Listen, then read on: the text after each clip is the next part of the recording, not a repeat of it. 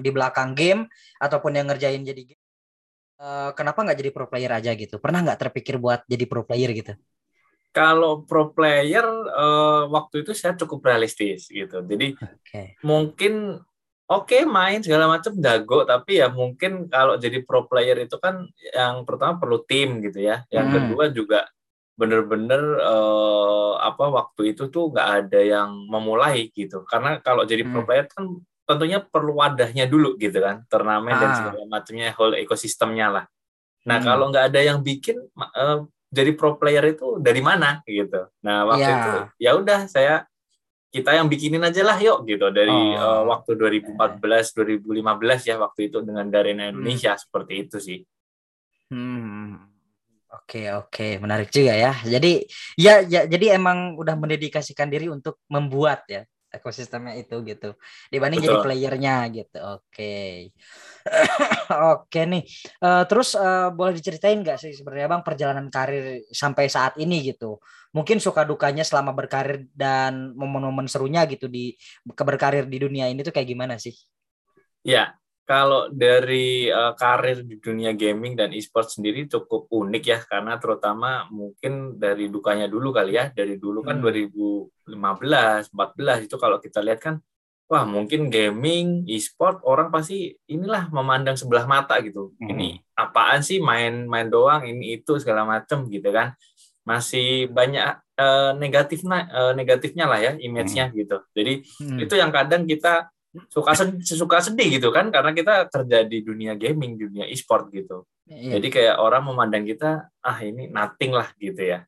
Padahal ya itu salah satu yang mungkin dulu awal-awal uh, challenging lah ya uh, hmm. dari situ. Sampai ya akhirnya uh, ternyata so far ya saya sendiri cukup bersyukur gitu uh, saya memutuskan untuk terjun di dunia inilah gitu hmm. Karena uh, setelah terjun di dunia ini sukanya ya ternyata saya bisa bermanfaat juga untuk banyak orang gitu dan karena terutama di Garena Indonesia sendiri kita cukup open dan cukup uh, terbuka ya untuk support ide-ide uh, program baru segala macam salah satunya waktu dulu itu uh, waktu ya sekitar mungkin waktu SMA lah ya sekolah itu waktu itu saya punya keinginan bahwa ingin uh, bermanfaat dan uh, kasih beasiswa berbagi ke orang gitu ya. Nah itu saya wujudin di Garena tuh. Jadi sejak 2017 nice. itu kita bisa bikin okay. satu program e-sport yang pakai nilai raport untuk pelajar dan hadiahnya beasiswa. Jadi uh, saya bikin program itu supaya balance antara akademik dan juga hobinya gitu. Hmm.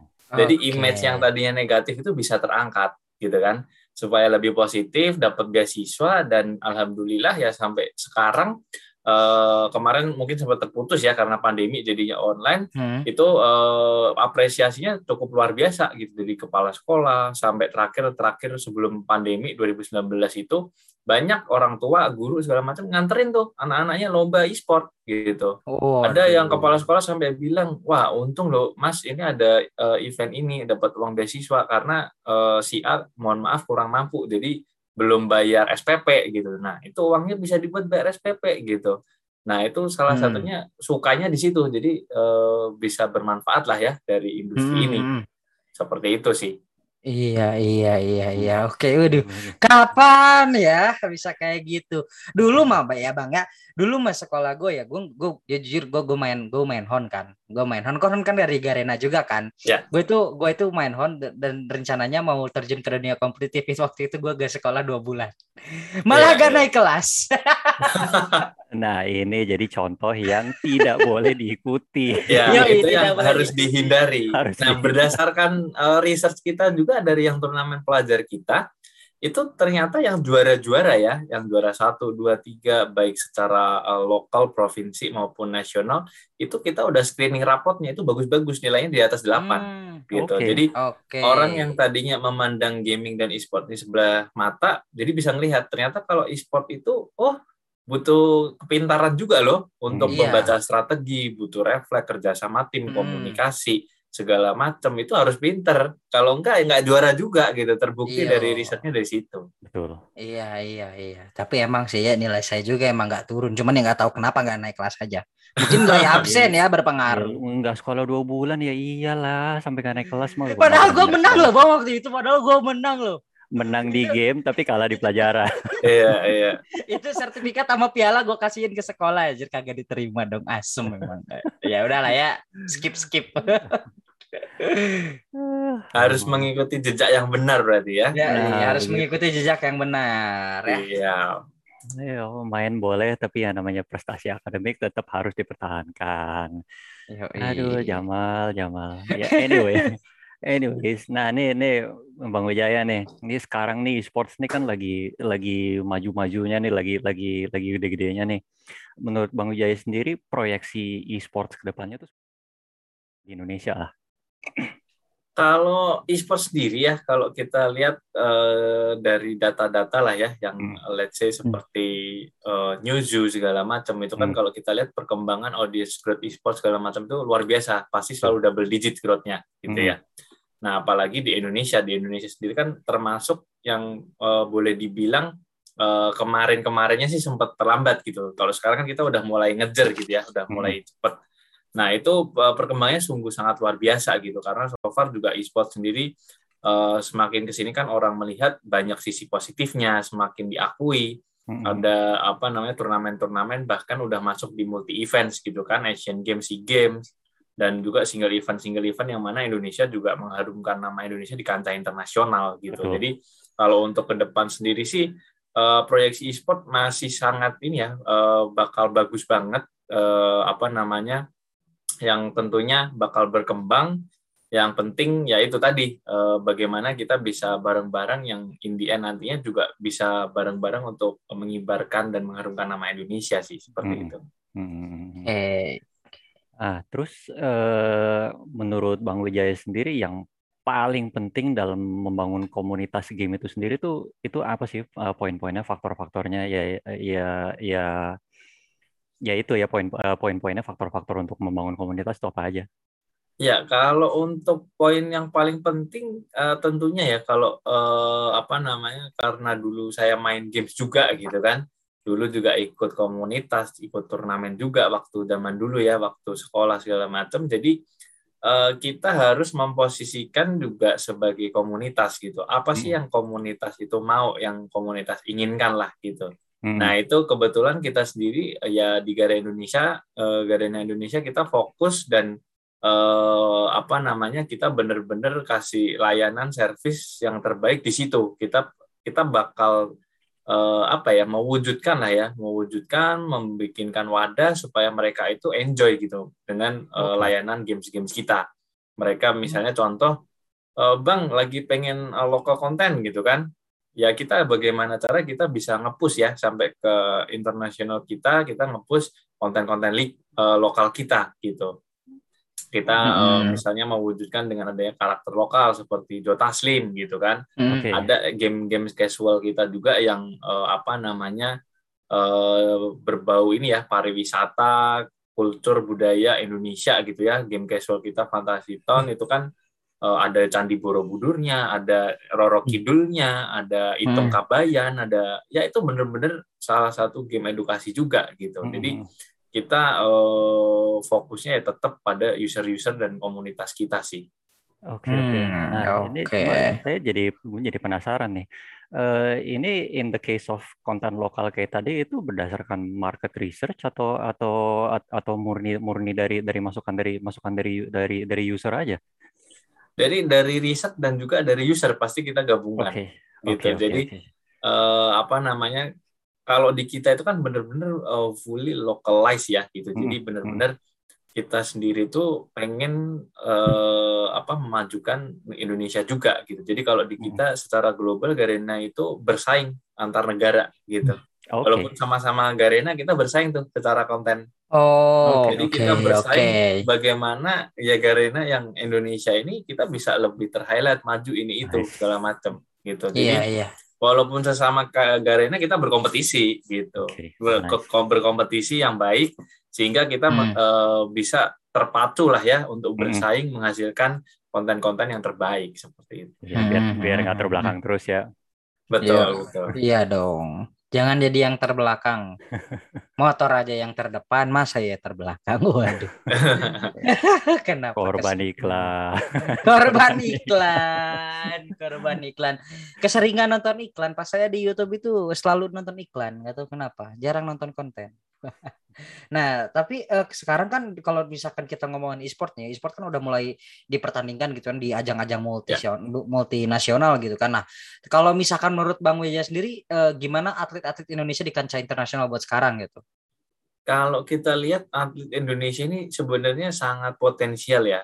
Jadi hmm. ini sangat luar biasa lah. Jadi kita punya eh, apa namanya bakat yang memang ini harus digali dan juga harus dikasih wadah dan dikembangkan gitu karena uh, mungkin dari dulu ya mungkin dari zamannya uh, dulu kan Iga juga pernah bikin ya untuk uh, masih zaman kita dari di PC gaming lah gitu hmm. itu kan mungkin hmm. kita sudah pernah mendapatkan medali yang namanya di single event medali emas perak perunggu udah pernah semua gitu hmm. Hmm. Bahkan yang terakhir kita kan multi events uh, SEA Games di Manila di Filipina 2019 kita dapat medali perak di multi event hmm. gitu.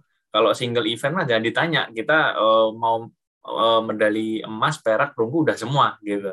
Yeah. Bahkan di multi event pun kita juga mendapatkan medali perak gitu. Jadi ini salah satu yang menunjukkan bahwa Indonesia ini uh, luar biasa atlet-atletnya berpotensi untuk mengharumkan hmm. nama Indonesia gitu. Oh, Oke, oke, oke.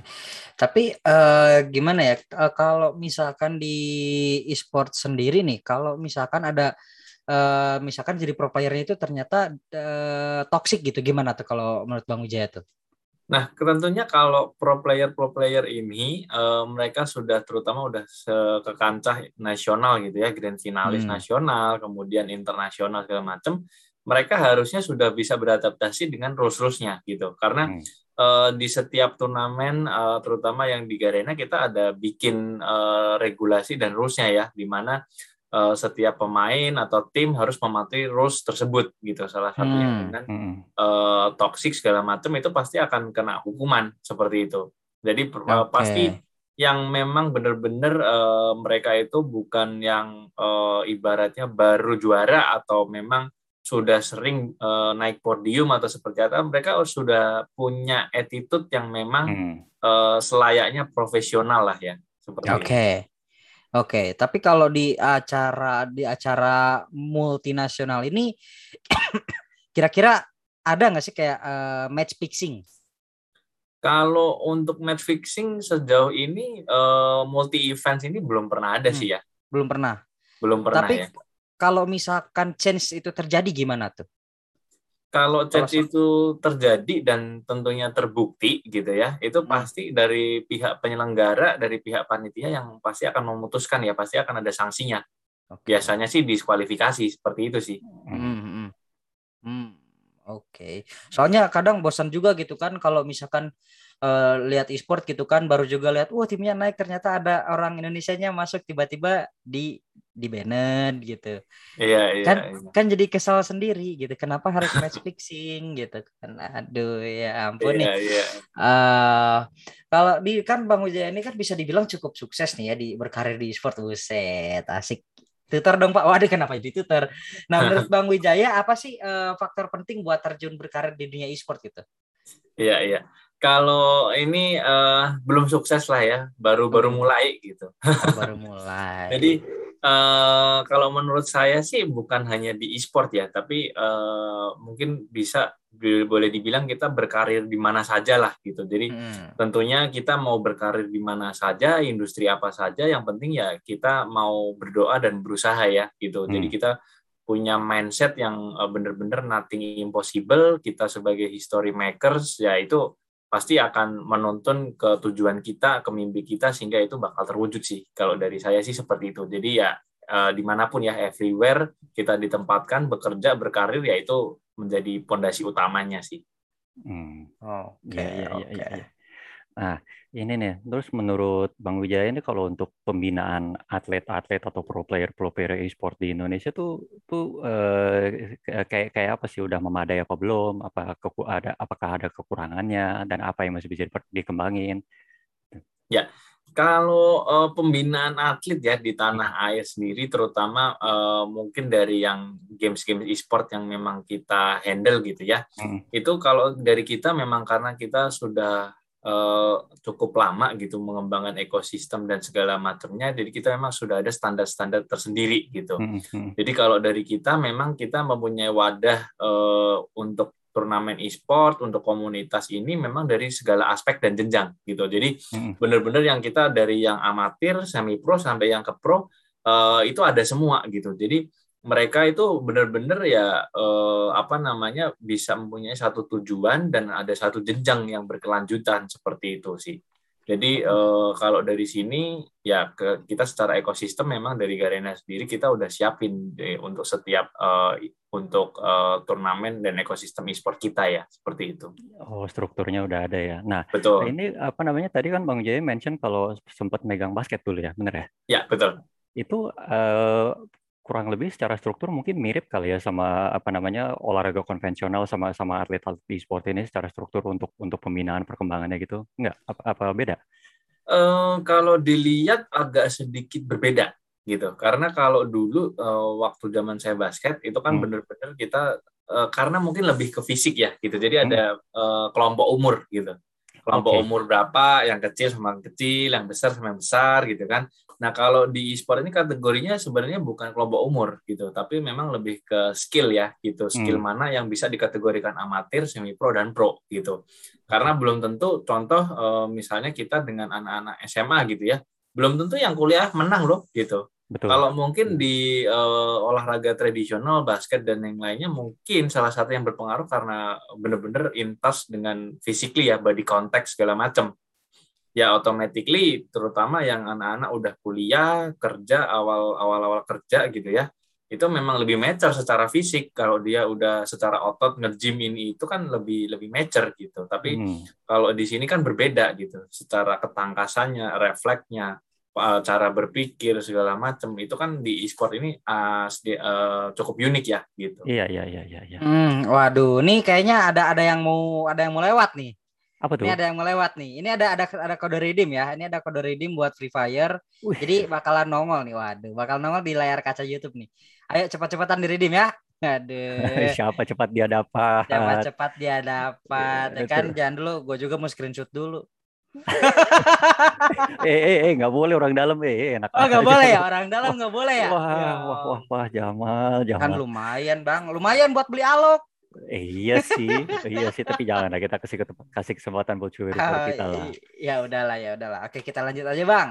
Kita lanjut Siap. lagi. Nah, ini nih Bang Ujaya nih, kalau boleh sebut satu nama nih, hmm. uh, siapa sih ini orang yang paling berpengaruh di karirnya Bang Wijaya dan dan alasannya apa? Kenapa orang itu paling paling berpengaruh?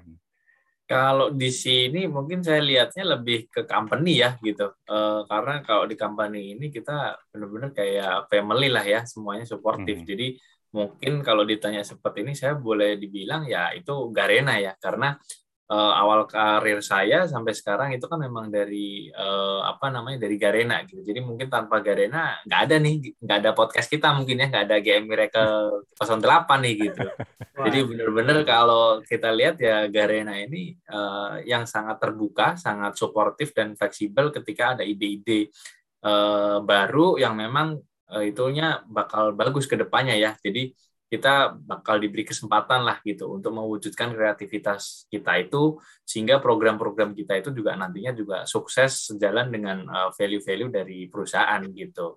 Jadi bukan yang tipikal mau bikin ini bikin itu nggak boleh gitu, nggak juga hmm. gitu. Kalau di kita benar-benar kita justru malah disupport gitu. Oke oke oke oke.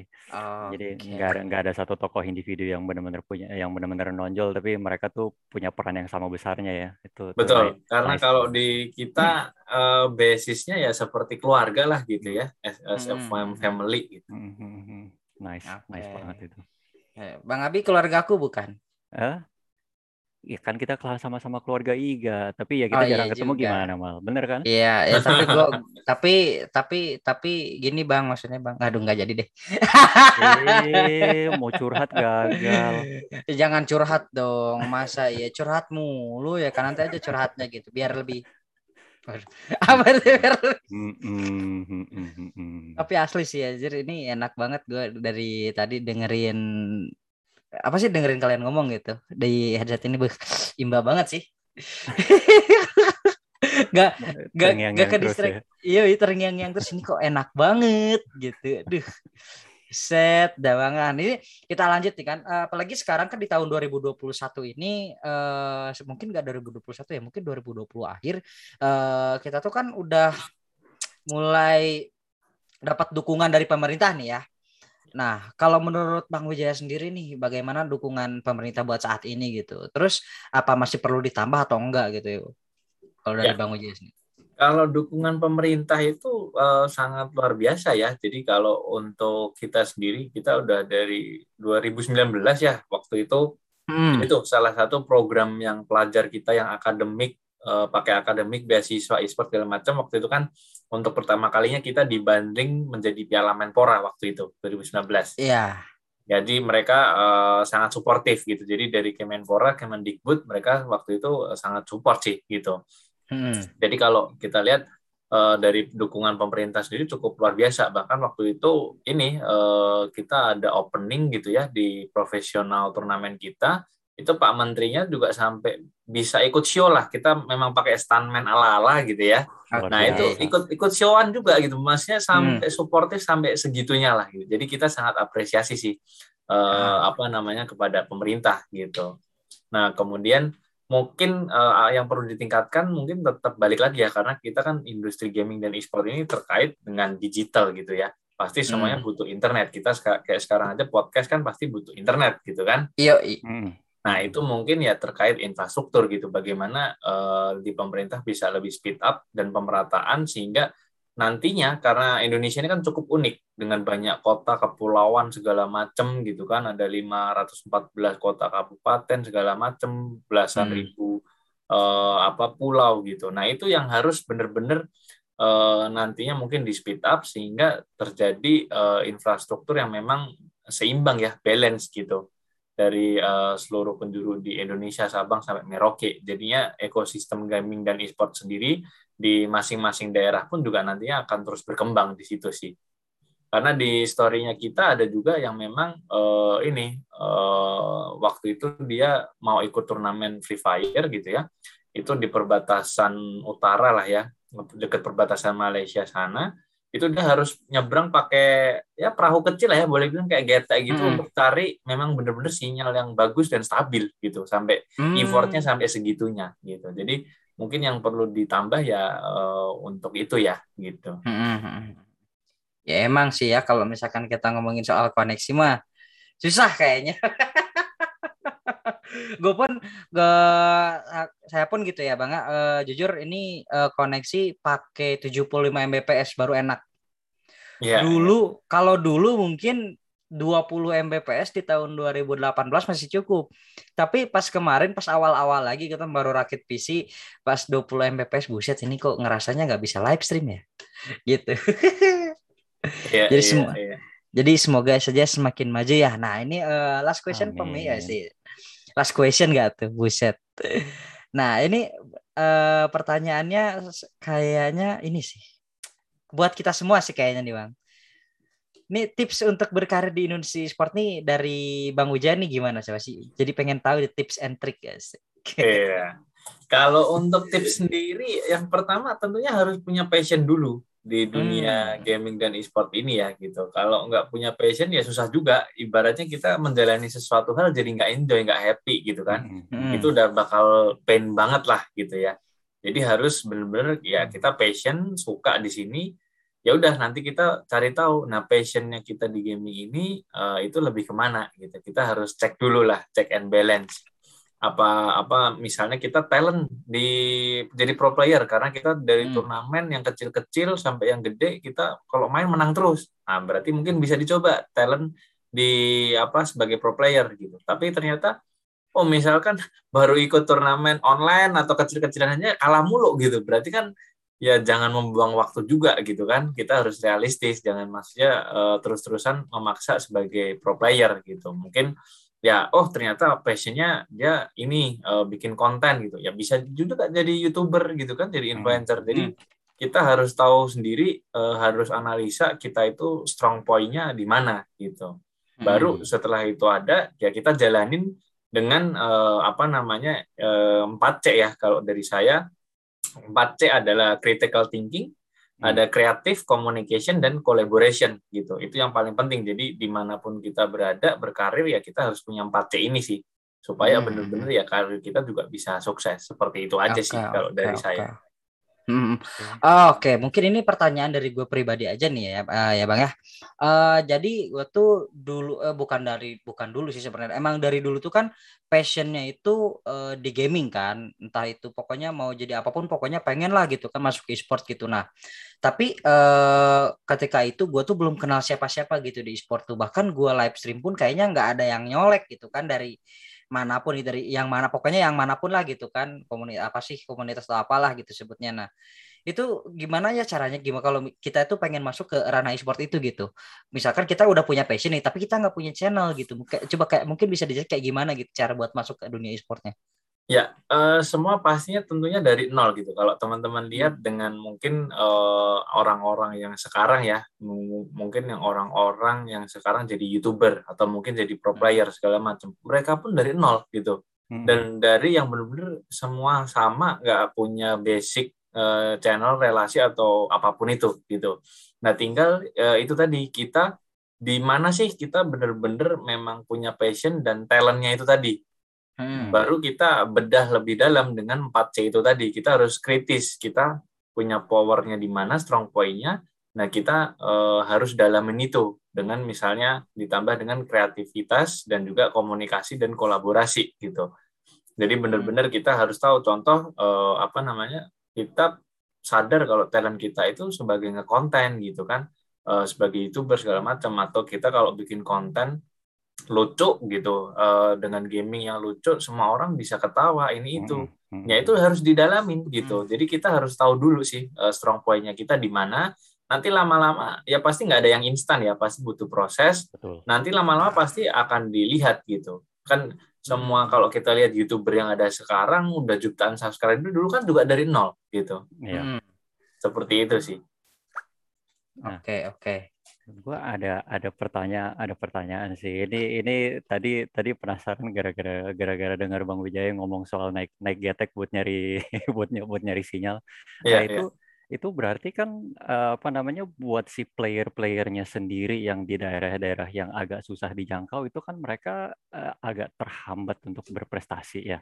Yeah. Uh, ini so far ini di, di tahun sekarang 2021 ini kira-kira udah udah merata belum ini talent, apa penyebaran talent-talent di Indonesia apa apa masih apa masih ya obviously Jakarta pasti akan terpusat di Jakarta karena karena Jakarta ibu kota. Cuma untuk kota-kota lain selain kota besar udah merata apa belum kira-kira nih? Nah, ini mungkin nyambung juga dengan uh, pertanyaannya Bang Jamal tadi gitu ya. Hmm, hmm. Terbukti bahwa yang dia di perbatasan nggak punya relasi pun akhirnya bisa ke grand final dia bisa membuktikan bahwa dia itu mempunyai talent dan bisa membuktikan bahwa dirinya mampu bersaing dengan tim-tim lain gitu. Jadi uh, kalau untuk talent sendiri itu hmm. kalau di kita karena memang segala untuk aspek dan jenjang wadahnya kita sudah siapkan, jadi sekarang itu cukup merata. Jadi benar-benar yang di luar Pulau Jawa sampai ke Papua segala macam ke perbatasan segala macam mereka itu punya semangat dan memang punya talent sampai ke sana terbukti juga mereka bisa uh, ke grand final juga gitu. Iya iya iya iya iya. Jadi iya sih. kalau kalau niat mah hmm. apa pun bisa didobrak bisa ditabrak ya luar biasa iya. sekali. Tapi gue gak tau kenapa, mungkin gue termasuknya hoki lah ya. Gue termasuk hoki mungkin ya. Hoki gimana? Ya hoki kan gue kan uh, pertama kali kan punya nama di sebuah grup gitu kan. Tapi bukan dari gaming kasusnya. Tapi dari oh. luar gitu. Terus kan bisa kenal uh, our big boss ditawarin kerja gitu. Dari awal banget tuh. Singet banget gitu.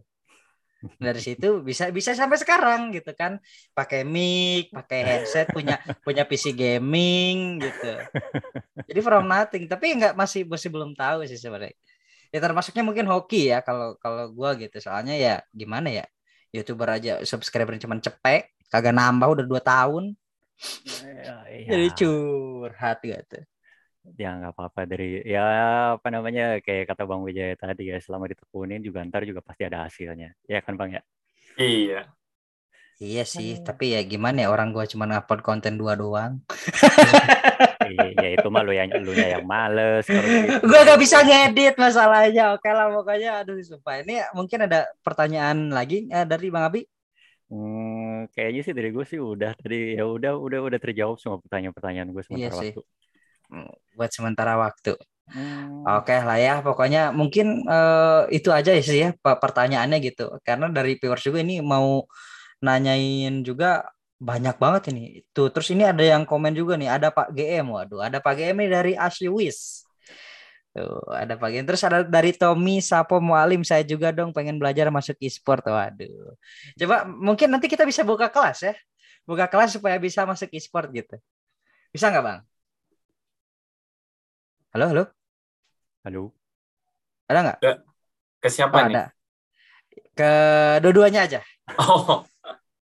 Bisa, bisa, bisa. Bisa, oke okay, bisa. Nanti pokoknya saweria, jadi saweria. oke okay lah ya, pokoknya uh, mungkin sekian aja. Pokoknya makasih banyak ya buat Bang Wijaya udah hadir malam ini.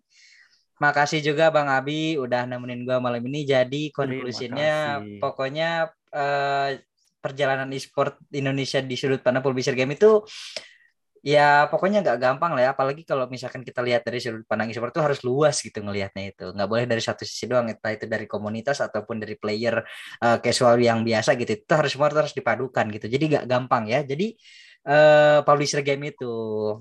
Bener gak bener gak bang Wijaya? Betul kita uh, bagaimana caranya? Kan mikirinnya bukan cuma satu sisi ya tapi nah. secara perspektif untuk uh, the whole ecosystem gitu ya. Nah gitu. Jadi nggak bisa tuh kalau misalkan kalian bang pengen ada Gatot Kaca. Waduh. Bang pengen ada Jamal. Ya ampun kenapa jadi ada saya ya? Pokoknya gitu aja. Mungkin uh, bang Wijaya mau mempromosikan dulu uh, sosmednya? Barangkali boleh Uh, udah sih kalau dari saya cukup ya karena kalau uh, promosi sosmed banyak banyak uh, banyak banget ini gamesnya Garena gitu. Jadi Waduh. bingung nanti yang mana satu-satu. Iya. Waduh. Takutnya dibilang pilih kasih ya. Iya. dibilang pilih kasih. Iya, iya, iya, ya, ya. Masuk akal. Ya masuk akal pokoknya ya sekali lagi makasih banget buat Bang Wijaya udah hadir thank you, ini. Thank you, thank you banget Bang Wijaya. Thank you. Jadi, thank you juga buat Bang Abi nih. Pokoknya jangan lupa di like, di share juga konten ini. Jangan lupa di subrek karena subrek, itu wajib. Yoi, di subrek bukan subscribe. Kita kan orang Indonesia. Subrek berlangganan mungkin ya kalau ini tuh. Buset berlangganan tuh. Ah, iya, emang iya kan bahasannya gitu bang gimana iya lagi sih. betul, betul ya pokoknya ya pokoknya jangan lupa nih soalnya di minggu depan nih di minggu depan nih buat kalian para cowok nih aduh buat kalian para cowok gitu karena memang gesternya itu cewek bang Wih, luar biasa gesternya dong. itu cewek dong dan pasti juga idola gitu. Jadi di tanggal 4 Desember itu kita bakal kedatangan Erikasu dengan tema suka duka menjadi influencer gaming. Hayo lo. Tuh kan giliran gua nggak bisa nge-host di, dikasih, dikasih gastarnya. Wah, nih kalian mah bener-bener pilih kasih. Waduh, pilih kasih nggak apa-apa dong. Yang penting saya dapat. Ya. Pokoknya ya. Pokoknya makasih juga buat uh, para viewers juga yang udah nonton ya. Pokoknya jangan lupa sekali lagi di subscribe, di like dan juga di share. Also don't forget juga di, di di follow juga Instagramnya di Instagramnya Iga di, di Indonesia Gaming Arena. Instagram juga gua juga ada di @jamalpenciduk sama Instagramnya Bang Abi juga di @digitalb underscore gaming ya. Kalau Bang Wijaya itu ada @gm.miracle08. Oke okay, ya. Pokoknya kita sampai kita jumpa lagi dah di minggu depan ya dengan tema yang udah gue sebutin ya. So bye bye. Bye bye. Thank, thank you, thank you, Stelty. Thank you.